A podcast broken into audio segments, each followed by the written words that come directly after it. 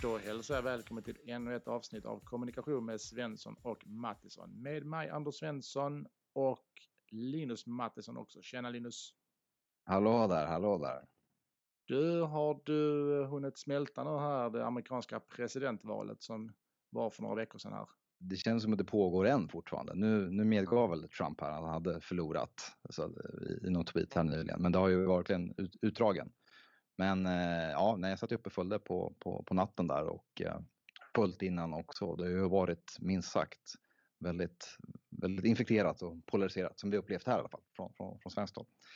Han Men tröttnade lite grann på, på presidentvalet innan själva valdagen. Ja. Han är med att göra lite grann, tyvärr. Ja, ja, jag vet inte, både och. Jag tycker det är superspännande faktiskt. Det är ju extremt spännande tider faktiskt vi lever i, om man ser så. Det är konstiga tider, men eh, ja, spännande tider också säga. Sannoliken är det så. Idag men... har vi en superintressant gäst med oss uh, och det är nämligen Maria Karlsson från Ängelholm från början men som bor i USA och du har ju jobbat på Fox News i 18 år och det ska vi prata om lite grann idag. Så jag säger hej och välkommen till Maria. Hej hej, tack så mycket. Det är roligt att vara här. Du, vad jag förstår det som så har du ju 18 år totalt på Fox News. Men för två år sedan så sadlade du om att bli lärare och idag så är du lärare och bor på New Jersey i USA. Visst säger man på New Jersey? Visst är I, i. I New Jersey. I New Jersey, i staten. Man bor på Manhattan för det är en ö, men vi är på ja, fastlandet. Rakt över, Anders, rakt, över, Anders. rakt över floden här, rakt över ån om man ska säga. På Staten Island eller? Borde ja. jag ju veta, jag har ju varit där till och med så att det är för dåligt. Ja, men jag undervisar i en liten stad som, stad som ligger eh, ungefär 14 minuter med spårvagn härifrån. Den heter Bayonne på en skola. Eh, jag är femteklasslärare så jag undervisar i matematik och eh, samhällskunskap. Och just nu håller vi på att prata om the electoral college. Så det är ju inte riktigt färdigt än. Officiellt så har äntligen Biden då fått tillgångar till resurserna på den här GSA administration då. Ehm, men det kommer certifieras den 14 december och sen kommer um, House of Representatives ta upp den. Kongressen kommer räkna rösterna den 6 och sen den 20 får vi då en, 20 januari får vi då en ny president. Um, så det är, det är nästan färdigt men uh, officiellt så kallas han ju nu av alla president elect, Mr Biden alltså. President elect. Spänn, Spännande. Vi ska komma in på det. Men du, vi kan väl bara hoppa tillbaka lite till, eh, ja. till vem du är, vilken bakgrund du har och var du kommer ifrån. Så Absolut. ta oss tillbaka till tiden i Ängelholm. Jajamän, jag är uppvuxen i Ängelholm. Jag flyttade till Linköping i åtta månader när jag, eh, efter gymnasiet och började på KV, KVL, kulturvetarlinjen. Jag ville plugga mycket, jag ville jobba med TV. Men just då i början av 90-talet så fanns det inte så mycket TV-utbildningar. Så då tänkte jag att eh, jag borde väl eventuellt eh, åka till USA då, eftersom det var därifrån de mesta tv-program kom ifrån. Um, så efter ett snabbt eh, praktikjobb i, um, i Stockholm, när jag, jag gick på komvux en liten stund också, um, så kommunikation och media. Och sen åkte jag till USA först eh, med en grupp som heter Up with People i ett år.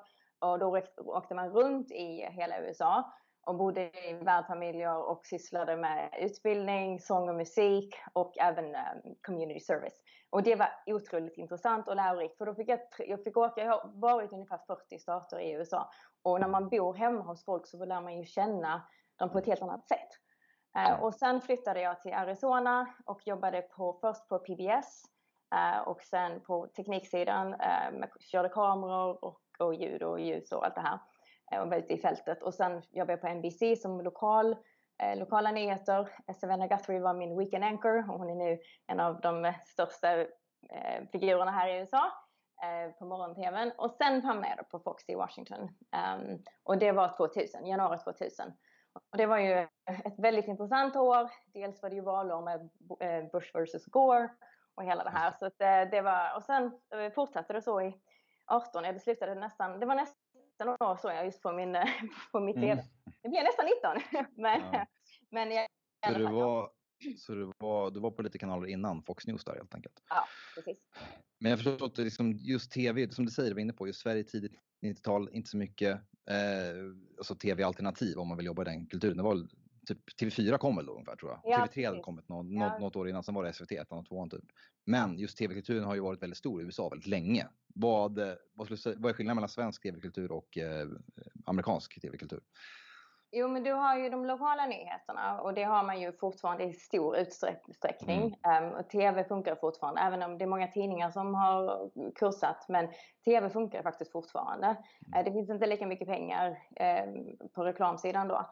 Så det går inte lika bra, men det finns fortfarande väldigt, väldigt många lokala nyheter. Och jag tror att det skiljer sig mycket från Sverige. Att, uh, jag vet att man försökte till exempel också starta så 24 timmars kanal, men det gick inte så bra om jag har förstått det hela rätt. Och att det inte finns jättemånga lokala eh, tv-sändningar som sänder. Alltså de, när jag jobbade med lokala nyheter då säljer, sänder du ju nyhetssändning fyra, fem gånger om dagen. Mm. Eh, mm. och mm. det har man ju inte alls på samma sätt i Sverige om jag har förstått det rätt. Eh, så Sen det USA, USA är så enormt mycket större land också. Så det är ja. ju, jag menar, de flesta stater är nästan större än Sverige, alltså befolkningsmässigt.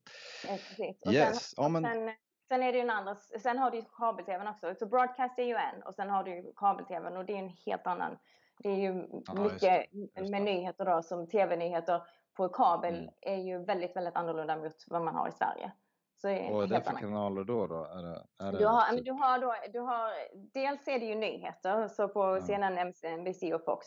Det är ju nyheter, men sen är också en stor del av deras program är också åsikts-tv eller opinion programming. Ja. Uh, och det tror jag att, att eh, det skiljer sig otroligt mycket från, från Sverige.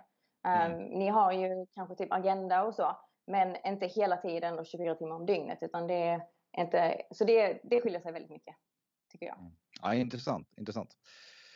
Men om vi ska hoppa dit då till, till tiden, eh, Fox News då. 18 mm. år där. Hur, hur var det att börja jobba på Fox News? Och Fox News har gjort en, eh, liksom, det har ju hänt mycket i deras utveckling måste ha gjort under de här ja. åren sedan 2000-talet. Vad var Fox News för kanal då i början på 2000-talet? Jo, men eh, när jag började, jag kom ju då som, eh, hade precis flyttat till eh, DC-området, kände inte en kotte, eh, hamnade på en liten, liten, liten, liten kabelkanal i tre månader och sen kursade. Eh, så då kommer man som invandrartjej och ska försöka hitta ett jobb, man känner ingen. Så det var bara typ, att skicka ut med CVet och sen gå på intervjuer. Och då fick jag en intervju både eh, på MSNBC, på, på CNN och på Fox. Och anledningen till att jag hamnade på Fox var för att den kvinnan som intervjuade mig var otroligt rak. Hon visste exakt vad hon ville åstadkomma, eh, vad målet var. Och målet var då att, att skapa en kanal där alla synpunkter bör bli hörda. Och eh, hon hade jobbat länge på, mm, på ABC.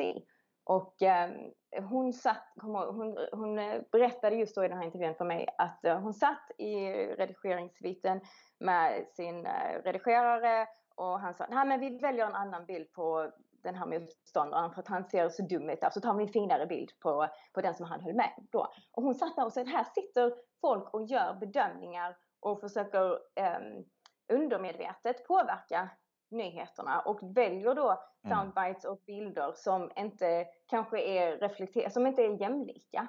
Och hon sa det att det Fox syftar på är att om du, tänk, om du tittar på kartan i USA så har du hälften hälften, hälften rött och hälften, hälften blått. Um, och nyheterna är ju, lutar ju liberalt. Och då har du inte den här um, nyheterna för de andra. Och de tar kanske inte upp de samma ämnen som, som resten av, av folket är intresserade av. Så det blir mm. väldigt smalt. Det du har västkusten och östkusten och det är folk som bor i storstäder och har det ganska gott ställt. De som lyckas komma in i media har det gott ställt. Ja, och det är precis, du kan ja. säga det med, med den svenska landsbygden också, att, att nyheterna är väldigt Stockholmscentrerade. Att, ja, så det är mm. mycket Stockholmscentrerade och, och att det, det är mm. saker som folk i Stockholm bryr sig om. Men det är bara en miljon drygt som bor i Stockholm mm. och sen har ni 8-9 miljoner i resten av landet. Och det mm. finns ju mm. frågor som man vill ta upp. Så, så det var det som var målet med Fox. Att de, hon visade, okej okay, här är linjen, okej okay, alla nyheter är till vänster och vi kommer vara i mitten och då är det en stor publik på andra sidan som går mot högersidan som också behöver nyheter och som vill ha nyheter men som är så trötta på att bli matade av det här liberala perspektivet.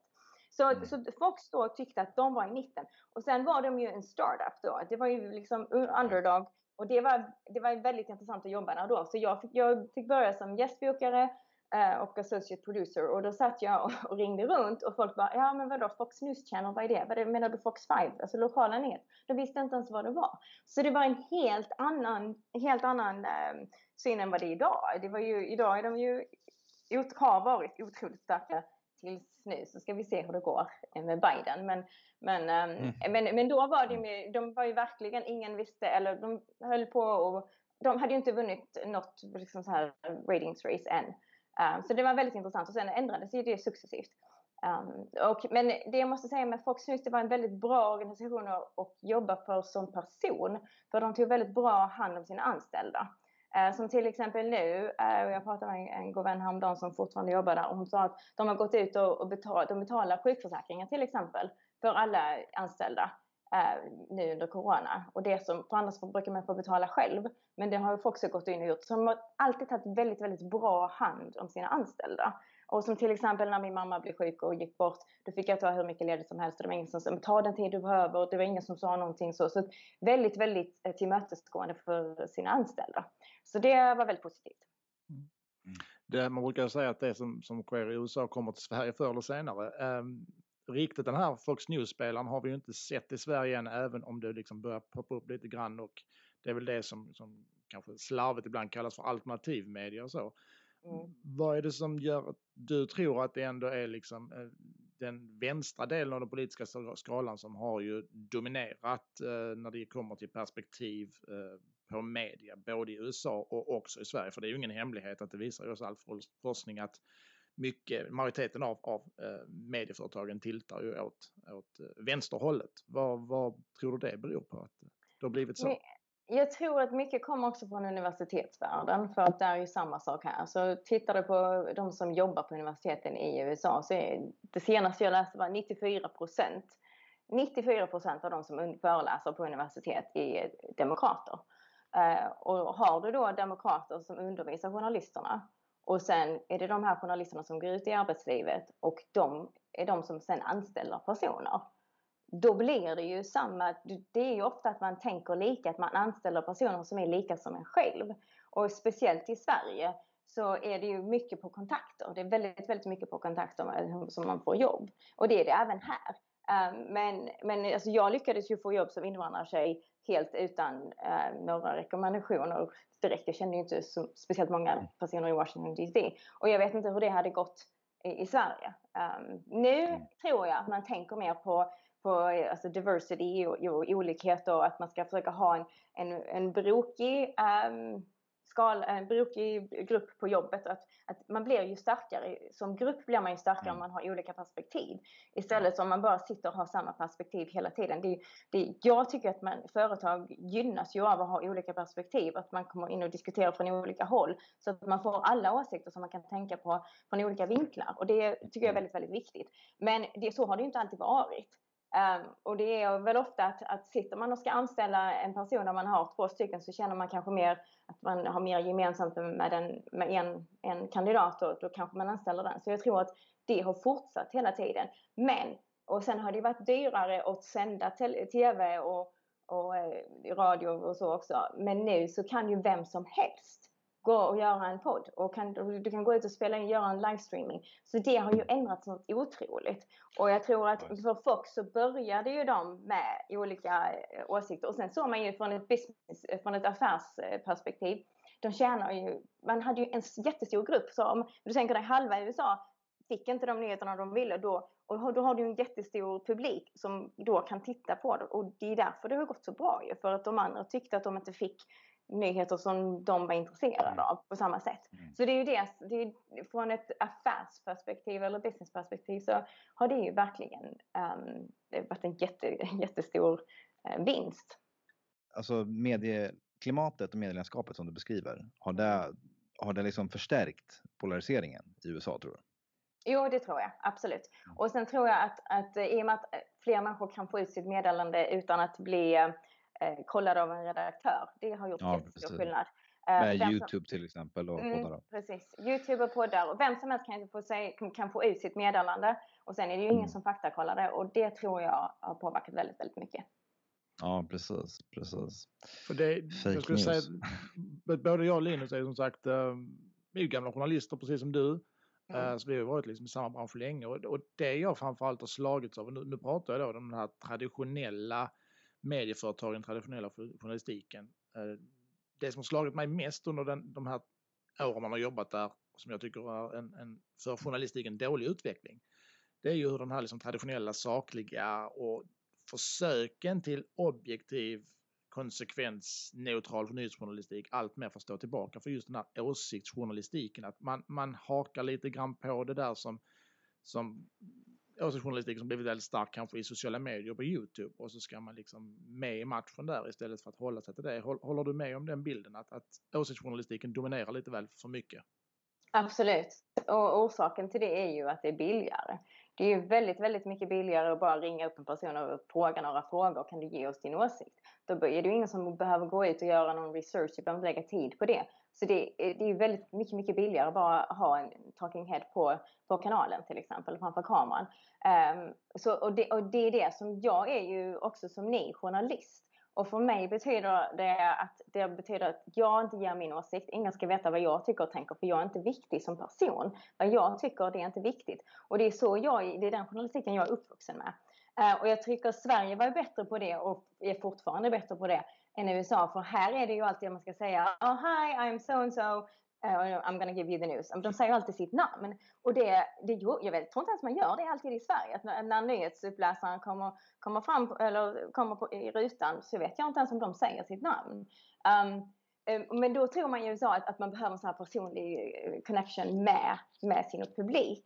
Eh, och de har satsat väldigt, väldigt mycket på det. Och det är en av anledningarna till att jag aldrig kände att jag ville vara framför kameran. Jag fick ju göra det roliga jobbet men jag slapp säga mitt namn, jag slapp vara som eh, eh, ett, ett mål som person.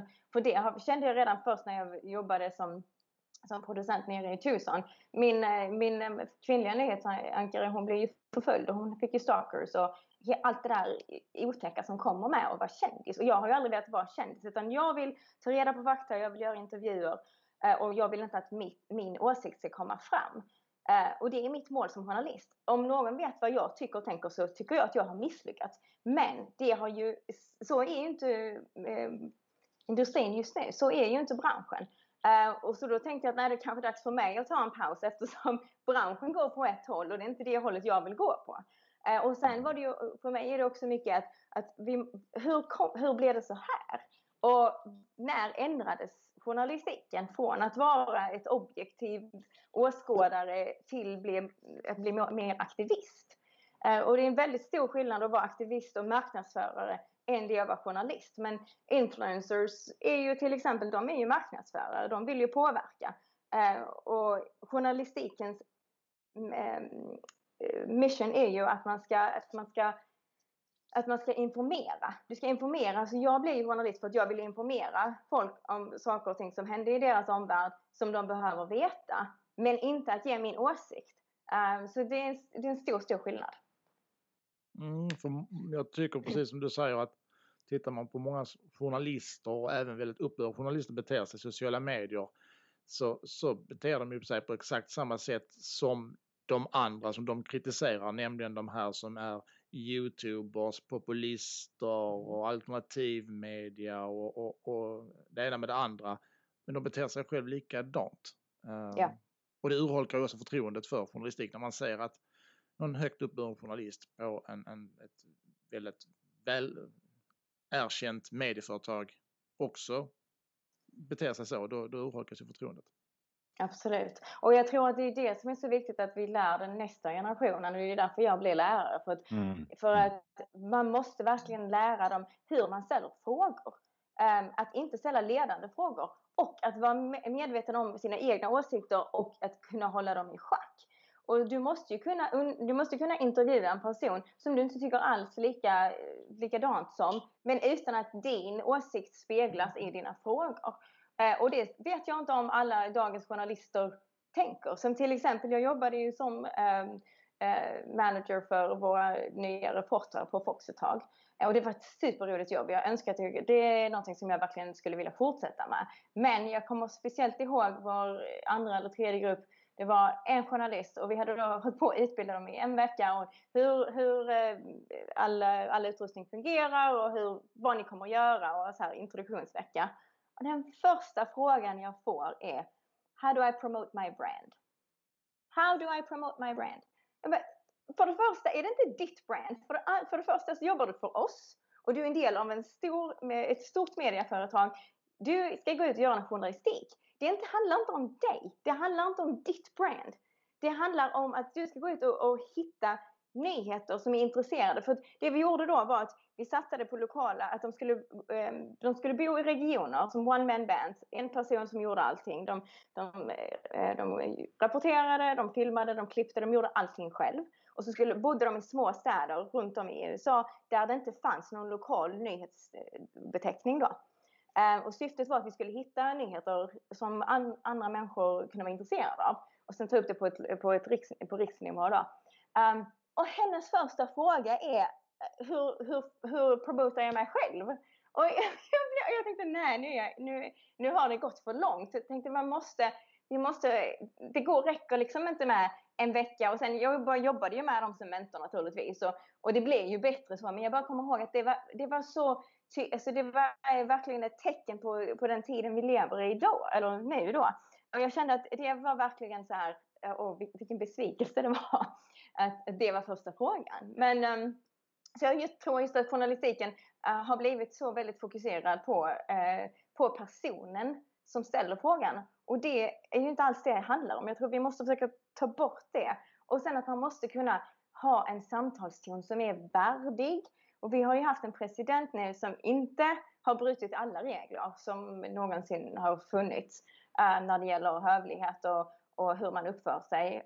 Um, och det är väldigt tragiskt tycker jag. Men sen har du ju även journalisterna som, gör, som hakar på det då. Um, och, och uppför sig inte heller speciellt bra alla gånger. Uh, så det har verkligen varit uh, en stor besvikelse. Så jag hoppas att det blir bättre nu. Men vad kan man göra tror du? Du sa att du blir lärare liksom. Det var, det var liksom en, en, en ambition att, att lära kidsen att vara källkritiska. Men räcker det? Eller vad, liksom, hur kan man komma åt med det här problemet som du beskriver? Men jag tror du måste börja någonstans. Mm. Eh, och fortsätta och jobba på en kanal som eh, blir mer och mer åsiktsinriktad och mindre och mindre nyhetsinriktad var, kändes inte rätt, rätt ställe för mig längre. Um, så att även om jag jobbade ju, jag jobbade ju, min sista jobb var som nyhetschef på, eh, för de lokala nyheterna. Så att vi satt då, vi hade 172 klienter runt om i USA som vi skickade ut nyheter till. Som, typ som TT eller Associated Press i, eller TT i Sverige då. Um, så, så jag höll ju inte på med åsikten men jag kände ändå att man har inte tillräckligt med tid, man har inte tid att gå in på djupet. Så jag ville, ville ta en paus nu och sen hoppas jag ju på att få jobba med journalistik i framtiden. Men mm. just om du kollar på, på barnen, så de är ju tio år gamla, så de kommer få rösta, inte nästa val men nästa val igen då, om två val. Um, och då måste man ju visa hur, hur, hur registrerar man sig för att rösta och hur um, får man sin åsikt, sin, sin åsikt hörd och hur lär man sig, hur, när man läser på internet, men när du läser på nätet, var, var kommer det ifrån? Vem är källan? Eh, så att de kan lära sig att urskilja det, för de blir ju verkligen bombarderade. Och det är ju ännu svårare idag när du har verktyg som du, som du, du kan lägga över en röst och det ser ut som att den här personen sitter och säger det, men det är inte alls det de säger. Så det är väldigt, väldigt svårt. Så jag tror det är otroligt viktigt för att barn idag lär sig. Jag vet inte om, om de som jobbar i medien just nu någonsin kommer att ändra sig. Men därför fokuserar jag just nu på nästa generation. Um, för det är ju det som är viktigt, tror jag. Man måste ju börja mm. någonstans. Verkligen. Vad tror du då nästa generations journalister och journalistik blir då? Och den, den springande frågan är ju också, finns det plats då för det? Det är många som menar att nej, det finns det inte för alltså journalistiken som vi känner den eh, kommer inte överleva det här liksom, digitala kommunikationssamhället. Vad, vad, vad tror du kring det där? Nej, och, och det är ju, har ju mycket att göra med de här stora Google, Twitter, Facebook, eh, Snapchat, alla de här. De har ju väldigt mycket att påverka där. Eh, och det märkte jag ju redan när jag jobbade som chef för våra, vår streaming service. Att det var vi, vi producerade programmen och sen kom, det var en person som satt uppe i Seattle, han bara snodde precis allting från oss och från alla andra kanaler också. Och så la han upp det på sin sida och sen la han reklam runt omkring och fick betalt för det. Och han betalade inte oss ett öre. Och han tyckte det var helt okej. Okay. Men vadå, det är ju fred, ni har ju redan producerat det så det gör väl ingenting att jag tar det. Och han totalt förstod inte hur, hur, hur, eh, hur helt fruktansvärt det var. Eh, och det tror jag att hela, hela eh, modellen inom journalistiken som, som, som business då, att, att det, det måste ju ändras. På något sätt så måste man ju gå in. Ni har ju statlig tv i, i, i Sverige. Ni har SVT och SR och Sveriges Radio och så. Um, och jag tror ju mycket mer på att det borde utökas. För att man behöver verkligen de här lokala nyheterna. Eh, och jag tror att universiteten, högskolor och universitet har en stor eh, möjlighet att påverka där. För att man skulle till exempel, om, om du måste lära dig att skriva och du måste lära dig att rapportera till exempel, så skulle du ju mycket väl kunna göra det i ett format som man skulle kunna ehm, eh, visa eh, allmänheten också. Så jag tror att det finns många, många olika chanser för universitet och högskolor och kunna påverka och kunna rapportera på en lokal nivå. Eftersom tidningar, det går inte bra för tidningar. Um, och det, jag tror att man måste tänka om för att kunna få in, eh, få in eh, personer som är intresserade av det här och sen ett, som är intresserade av att få ut informationen. Så jag tror att framtiden skulle kunna ligga inom eh, högre utbildning och att man använder de resurserna som finns där till att ehm, eh, göra mer lokala nyheter. Det tror jag skulle kunna vara. Spännande, spännande.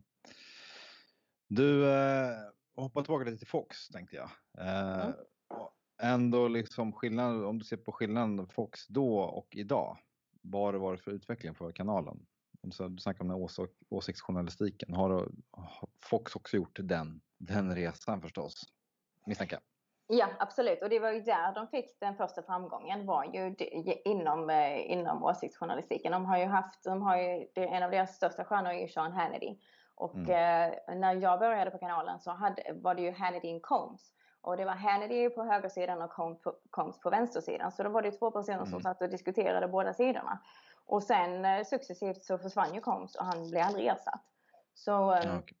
eh, så det har ju verkligen ändrats. Så om du tittar på primetime så är det ju väldigt mycket åsikt. När jag började så var det ju eh, typ 22 timmar eh, nyheter och sen så var det eh, och, sen, och sen några timmar åsikt och sen har det ju totalt ändrats. Så, och sen tycker jag också att det kryper ju in mer och mer åsikt under, under nyhetssändningarna också.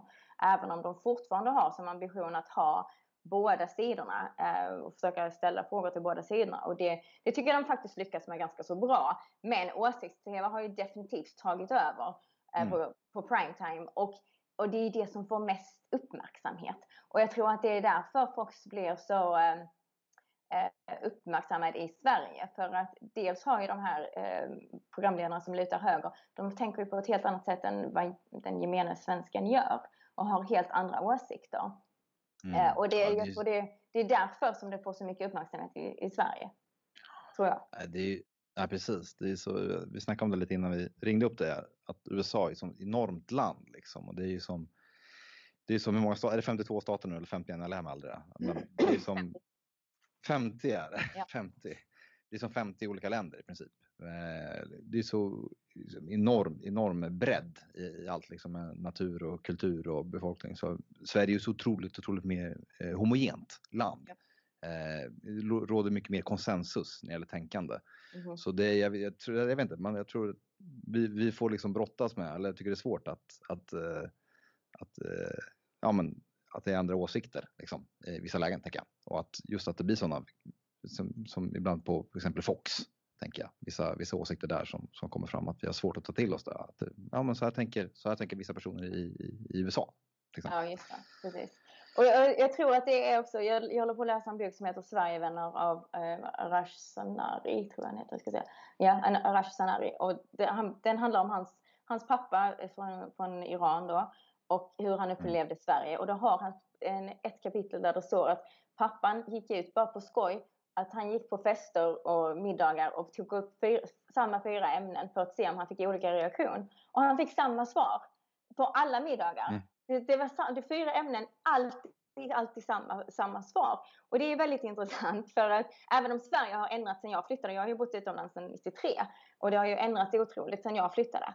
Um, för när jag växte upp så var det ju 70 80-talet, alla gick i samma skola, det fanns inte skolval, alla hamnade på samma ställe Eh, och väldigt homogent på det, på det sättet. Och det har ju ändrats i Sverige sedan jag flyttade. Men USA har ju inte den. Du har ju, som min man är Italian American, du har African American, du har Hispanic, du har, alltså du har hur många olika grupper som helst. Så istället för att fokusera på det som är annorlunda så måste man fokusera på det, det lilla vi har gemensamt och det är det man har knutit runt omkring och det var ju det Fox tog fasta på.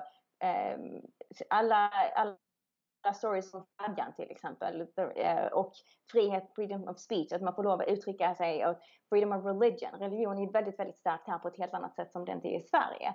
Så att det var ju olika frågor som inte tog upp. Vi hade ju till och med en, ett program som hette Spirited Debate där man pratade om religion och olika frågor som kom upp i religionen och det har jag inte sett på någon, någon annan kanal. Så det fanns, det fanns ju många olika inriktningar som Fox tog fasta på som var ett, eh, där det inte fanns program innan. Eh, och, och det tror jag har gjort att Fox har blivit så starkt att de har tagit upp andra frågor. Och sen har du ju då motsatsen till alltså liberal Hollywood. Alltså det vi tittar på i USA, i Sverige, är ju från Hollywood och det är otroligt liberalt eller från New York som också är otroligt liberalt. det är ju där mediacenterna eh, eh, är. Och det är ju de som jobbar, igen, filmer, tv, allt det. Det är ju väldigt, väldigt liberalt om du tänker så. Och sen har du då en stor, stor, stor del av det amerikanska folket som, som inte har det speciellt gott ställt. Så det är väldigt många fattiga. 80 procent av de som jag jobbar med nu i skolan får hjälp med mat. Um, jag har mm. väldigt många elever nu. Vi har jobbat hemifrån sedan den 13 mars. Um, och nu är det när jag försöker få tag på, på barnen eller deras föräldrar så går, kommer det inte fram för att de, inte, de kan inte betala telefonräkningen. Um, 60% av foodbanks har sett, eller 60% ökning i alla foodbanks till exempel för folk som behöver få mat. Så det är ju det som syns på TV är ju inte gemene man. Det är ju inte den eh, alltså eh, average American utan det är ju de som har det gott ställt, de som har råd. Eh, politikerna måste, man måste ju nästan vara rik, som, du måste vara rik för att bli politiker. Det såg man ju bara nu när vi fick det här stimulus package. Då skickade de ut 600 dollar i veckan. Och folk blev ju, wow, det är mer, eh, folk som jag känner, och de bara, ja men så mycket pengar har jag aldrig fått någonsin i en vecka. Eh, utan så, och det visar ju bara på, på den stora, ett stort glapp mellan de som bestämmer och folket. Mm. Och, det, och jag tror det var det Fox tog fasta på också, att vi pratar med dig. Vi är inte den här professorn som står här och sitter att vi är bättre och vi ska sitta och säga nu ska du tänka så här. Som du, den tonen kunde du se lite så här på andra kanaler. Medan Fox var, de anställde också folk från hela landet. De hade nyhetsankare från olika städer, inte bara LA och New York. Så det tror jag också, det talade till folket på ett annat sätt. Um, så det, det, det, tror jag också hade väldigt mycket att göra med framgången. Eller har har väldigt mycket att göra mm. Ja, för det är, jag, jag har ju en del vänner i USA men också i Sverige som, som är amerikanare. Och, och, flera av dem så här liksom oberoende av varandra också när man kommer in och pratar kring det här liksom hur det är i USA och så vidare. Och så här liksom att eh, du, du, du som svensk tror väl fortfarande att det liksom är, är den stora konflikten är, är liksom ras mellan svarta och vita. Nej, den stora konflikten är mellan stad och landsbygd i USA och det är där det kommer liksom att, att smälla nu här framöver över de här liksom kuststäderna och så har de här flyover-staten. Mm. Är det din bild också som, ja. som USA? Mm. Absolut, det stämmer. Absolut. Det, det, det, är exakt så det är. Eh, och just också, jag skulle lägga till fattiga och rika. Eh, så här har du personer som går ut och, och köper kaffe för 100, 100 dollar i veckan och jag, och jag har en, en mamma som eh, hennes son hade pajat datorn och hon kunde inte betala 25 dollar. Um, mm. och hon frågade om hon kunde få lägga undan och få det. Um, eh, få, ta lite längre tid på sig och då, då, lyckades ju vi naturligtvis få en gratis dator till henne. Men, um, men så det visar ju bara på så stora skill skillnaderna är ju enorma här. Eh, mm. Och det är väldigt, väldigt, väldigt, väldigt många människor som far illa. Eh, och det kommer inte fram i media på samma sätt och speciellt, jag tror inte den bilden visas alls mycket i, eh, i Europa eller i Sverige. Och jag tror att det finns så mycket som behövs göras. Och det var det också när man sitter, du har då de här eh, talking heads som sitter på tv och diskuterar eh, detaljer, minutia om eh, om eh, vad, vilken fråga det nu är. Och sen har du folk som inte, de har inte ens tid, eh, tid att, att att sitta och diskutera det. De har inte den möjligheten att diskutera det utan de måste, de måste till exempel rösta efter plånboken för att de måste få mat på bordet till sina barn. Så jag tror att det är, det är en stor, eh, stor del som aldrig kommer fram på samma sätt. Jag förstår. Och det har blivit, du var inne på det, det har förvärrats i och med pandemin förstås. Ja. Verkligen. Precis. Ja, nej men det är ju, det är väl ändå, vi får väl säga att man kanske har lite större social, socialt skyddsnät i Sverige rent generellt ja. än, än, än, USA. Men så har det alltid varit och det är ingen hemlighet på, på, på det sättet. Men det var ja. intressant som du sa, att jag tror att jag tror vi, vi blev ju extremt paffa i Sverige när Trump vann nu för fyra år mm. sedan. Då. Vi kunde inte förstå det. Va? Hur kan de välja Trump? Men det är precis den här konflikten som beskriver mellan stad och landsbygd och vi kanske får lite för mycket av ena eh, perspektivet så att säga. Precis, och det, och det var ju likadant. Jag kommer ihåg när jag, jag var, deltog i en intervju när Kerry var kandidat. Och det var ju samma mm. där. De, om du går tillbaka och kollar på rapporteringen så trodde man alla, alla tidningar i Sverige som jag läste trodde att Kerry skulle vinna, inga problem. Eh, och så då blev det ju inte. Eh, och det, det, visar ju också på den bristen på insikten. Och sen har vi ju alla de här opinionsundersökningarna som, som jag tycker man ska sluta använda. För att dels så är det ju, det, jag tror det påverkar på ett negativt sätt. För att för det första har de inte stämt. Eh, och, för ändra, för, och sen är de ju byggda på att man ska ringa folk och folk ska svara i telefonen. Och det mm. gör man ju inte. Och sen är det ju de som svarar är ju en liten, liten del.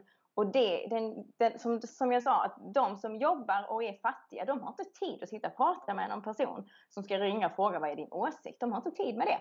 Eh, så du når ju bara det högre skiktet och de tänker kanske på ett sätt. Och, så det, fun det funkar uppenbarligen inte. Sen är det jättesvårt som nyhetschef eh, och nyhetsperson att, att vad ska man använda istället? Man har inte så jättemånga verktyg i sin verktygslåda. Men jag tror definitivt att, att det måste verkligen ändras hur man, hur man använder det. Men sen bara för att återgå till hur det är i Sverige och att det är homogent. Det är definitivt mycket mer homogent än, än vad det är här i USA. Men det har ju verkligen ändrats också de senaste 20 åren. Jag läste en artikel för inte så länge sedan om barnfattigdom i Sverige och att det håller på att mm. öka. Så, att, så det finns ju i Sverige också och, och man, ha, man har ju samma, samma problematik där med landsbygd och stad. Och, och att ja. just att, att, att, man inte, att, man, att det inte finns resurser. Som journalist är det mm. väldigt frustrerande att man inte har tid och pengar att gå ut och göra de här eh, mm. rapportagen. Och det är det jag säger att där skulle universitet kanske kunna gå in och man skulle kunna skapa, som den PBS-kanalen som jag jobbade på först när jag mm. började. Mm. Um, som invandrare fick jag inte lov att jobba utanför campus, men de hade en tv-station på campus och då fick jag jobba där. Och det var ju jättebra samarbete, för då fick du billig arbetskraft på, um, på, på campus för att vi fick även credits för för att jobba. Så, så det var en väldigt bra kombination, det var så win-win. Och sen hade du ju erfarna journalister som jobbade som mentorer och lärde oss allt hur man skulle göra. Så det funkade faktiskt väldigt, väldigt bra. Så det är någonting som jag definitivt skulle vilja jobba med i framtiden. Mm. Spännande. Du, många, när det gäller just Fox News, eh, många ska jag inte säga, men det finns säkerligen de i, i Sverige som tror ju att eh, den republikanska presidenten nu i, det här fallet Donald Trump sitter och styr liksom redaktionen som marionettdockor. Um, hur väl stämmer den bilden överens? Uh, är liksom ja. banden nära mellan Fox News och den då republikanska presidenten? Eh, banden är nära mellan eh, Banden är nära mellan, eh, mellan Trump och vissa av eh, nyhets eller eh, programledarna ska jag säga. Sean Hannity och Trump har till exempel varit kompisar i åratal. Um, de som jobbar på Fox and Friends har varit kompisar i åratal. Trump var ju, han brukade ringa in till deras tv-program innan han blev president en gång i veckan. Uh, så den, uh, den, uh, det har ju fortsatt, alltså deras vänskap har ju fortsatt. Men sen visade det ju sig att, att Fox definitivt har en nyhetsavdelning som inte har de här banden med honom. Um, som du såg nu när, uh, när Arizona skulle utropas. Fox var ju den första som gick ut och sa att Biden vann uh, Arizona. Och hade de haft ett jättenära förhållande till Trump så hade de inte gjort det. Eh, så det, det tycker jag är en eloge till Fox News. Att, att det, jag blir glad av det för att det visar det verkligen att, att det finns journalister på Fox News som är otroligt duktiga.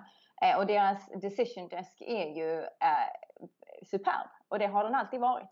Eh, och det är, den har otroligt stor respekt inom journalistkåren. Just de här personerna som sitter instängda i ett rum och kollar på fakta och data och, och har inget eh, utomstående på, eh, inflytande alls. de tar inte, får inte, blir inte påverkade av någon. Och de är väldigt, väldigt duktiga och det har de varit ända sedan första början. Um, så, så det, det blir jag glad över att se, för det visar verkligen att det finns bra journalister där. Men visst, definitivt Sean Hannity, Steve Doocy, de, de har ju otroligt nära band, de är ju kompisar. Eh, precis som du har ju på scenen så har du ju eh, eh, Chris Cuomo, han är ju son till guvernören i New York. Eh, och de har ju suttit och gjort intervjuer med varandra eh, på, sen, på sändningstid. Eh, och det, det, är helt otroligt att se, måste jag faktiskt säga. Så, så det, de här banden finns ju på alla. Och George Stephanopoulos, han var ju en stor eh, Hillary Clinton-supporter. Han jobbade ju för Bill Clinton till exempel. Eh, Donna Brazil som var med i, i deras sändningar hon gav ju Hillary Clinton frågorna innan eh, den, en av debatterna eh, när hon höll, försökte bli president. Då. Så, så det, den här, eh, det är ju tyvärr alldeles för nära relationer.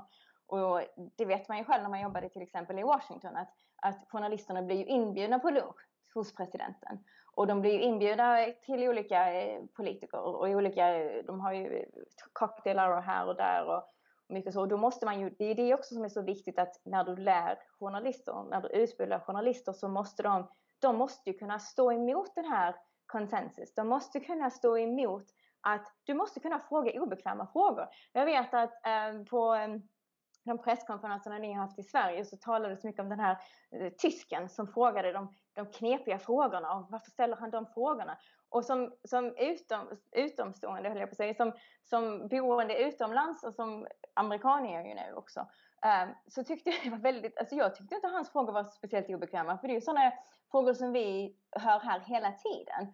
Men det upplevdes, eh, har jag förstått, som att han var en jobbig person. Varför ska han komma här och fråga de här frågorna?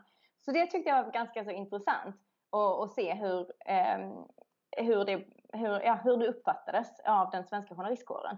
Eh, så jag tror att när man utbildar journalister så måste man våga och stå emot och du måste kunna jag hade ju till exempel en, en lärare som lärde mig att du ska inte ens äta en pizzabit. Om, någon, om du går och ska göra, en, eh, göra ett inslag någonstans, du ska inte ta emot kaffe, du ska inte ta emot eh, vatten, du ska, du ska ha ditt eget vatten med dig, du ska inte bli, kunna bli påverkad på någ, något vis. Och sen har vi journalistkåren i Washington DC som går hem, hem till presidenten och sitter och äter lunch på Vita huset. Hmm. Hur påverkar det dem? Är det en bra journalist så påverkar det inte dem alls. Men varför måste du göra det? Och sen är det ju det här med access och man ska vara, fri, man ska vara vänlig med dem och så. Men, men det är en väldigt intressant aspekt där att se hur, hur det påverkar. Um, så. Mm. Ja, nej, absolut är det det och det, det, det är inte lätt. Uh, att göra det för som sagt eh, journalister är, är människor också. Jag, jag tror ju inte alltså att um, just att journalister kan, kan liksom vara helt påverkbara och helt iskalla inför liksom alla omständigheter. Däremot så kan man ju vara olika duktig på just precis som du säger att, att stänga ut allting annat och att verkligen vara liksom så nära in på 100% kanske konsekvensneutral som man bara kan bli till exempel. Man kan vara olika duktiga på det men, men det kommer alltid liksom finnas där eh, fallgropar att falla i eftersom att vi är, vi är människor. Mm. Precis. Och sen tror jag också att eh, frågan vad är nyheter har förändrats något otroligt också. Eh, om du tittar mm. på till exempel, för jag kommer ihåg när jag började i, i Tucson då, så skulle man alltid ha lokala nyheter först. Medan jag var van, van vi kommer från Sverige, att det var ofta internationella nyheter först och sen kom lokala nyheter. Och det var en ganska intressant inställning för att de, tanken där var att du ska ta personer som är närast folket och det är det de är intresserade av. Eh, och väldigt mycket fokusering på trafik och väder också. Och det tyckte jag var så konstigt, men det är väl inte nyheter. Och sen eh, går man då framåt 15 år i tiden när jag sitter på den digitala eh, delen av Fox, då, Fox News och är chef för, för de sändningarna. Och då fick vi ju äntligen eh, sanna nummer om vad folk tittar på och vem som läser vad. Till exempel de artiklarna som vi la upp och de inslagen som vi la upp. Då fick du ju direkt eh, eh, statistik på vem som läste det.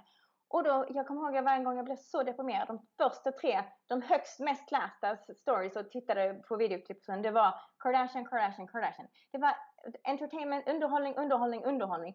Och sen kom en nyhet då som jag tyckte var viktig och intressant. Men eh, det, det, visar ju bara på vad folk är intresserade av. Och man måste ju tänka på att nyheter i USA är en business. De måste överleva. Vi får inga statliga bidrag. Utan det, är ju, det måste ju gå runt. Så från ett affärsperspektiv, så just det här med åsikts-TV, du får mer tittare på det än vad du får på en ingående eh, artikel eller ett inslag om fattigdom i USA. För folk är kanske, de är mer intresserade av vad Kim Kardashian har på sig, tyvärr. Uh, så då måste man ju tänka på det också och det, och det är därför jag kände att nej, jag, jag passade inte riktigt in i den branschen just nu i alla fall. Utan jag ville ta en paus och kunna syssla med någonting som jag tror har i alla fall lite mer långtgående inverkan just nu. Och sen skulle jag väldigt gärna vilja komma tillbaks till median men, en, men det måste vara under rätta, rätta förhållande. Och som sagt, jag vill väldigt gärna jobba inom utbildning eh, av journalister. Och hur man, hur man ser eh, bias i nyheter och hur man ställer frågor som är eh, inte ledande, icke ledande frågor. Um, så det, det tycker jag, det, jag tror det finns väldigt mycket möjligheter. Jag tror att ganska många börjar bli kanske ganska så trötta på, på en, en del av eh, journalistiken som vi ser. Så jag tror att det kommer finnas en marknad. Men frågan är ju bara hur ska man få det att gå runt? Hur ska det finansieras?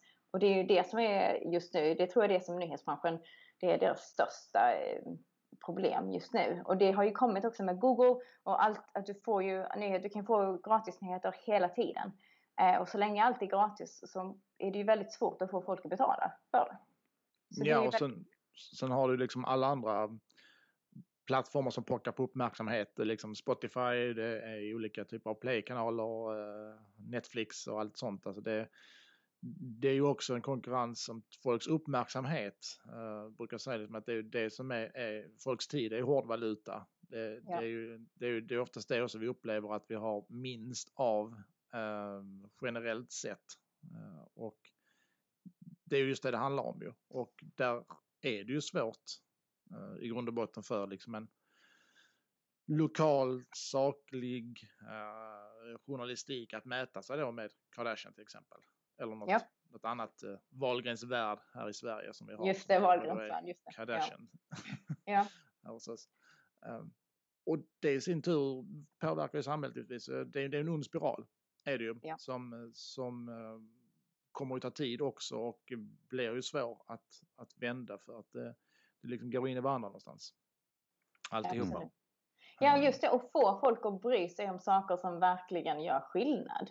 Eh, det, det, tror jag är verkligen utmaningen. Att visst, det är mycket roligare att titta på eh, Bianca Ingrosso um, än det att titta på en, en, politiker som man kanske inte alls känner att man relaterar till. Och man kanske inte inser hur viktigt det är. Um, så det, jag tror att det, det, det, det är den stora utmaningen. Uh, att kunna leverera sakliga nyheter på ett sätt som får den uppmärksamhet som den förtjänar. jag tror det är den stora utmaningen.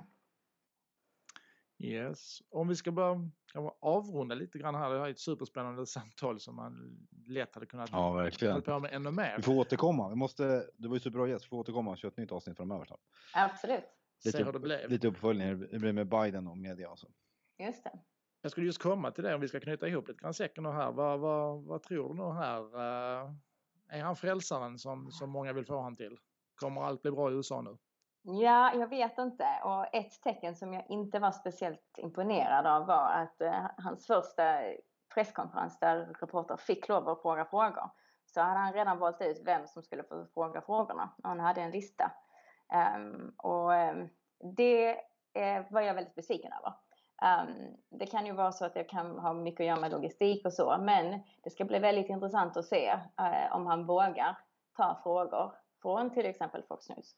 Uh, om han vågar ta frågor från, um, från eh, nyhets, nyheter som kanske, eller outlets som inte är så speciellt, ja, som inte kanske är på hans sida alla gånger.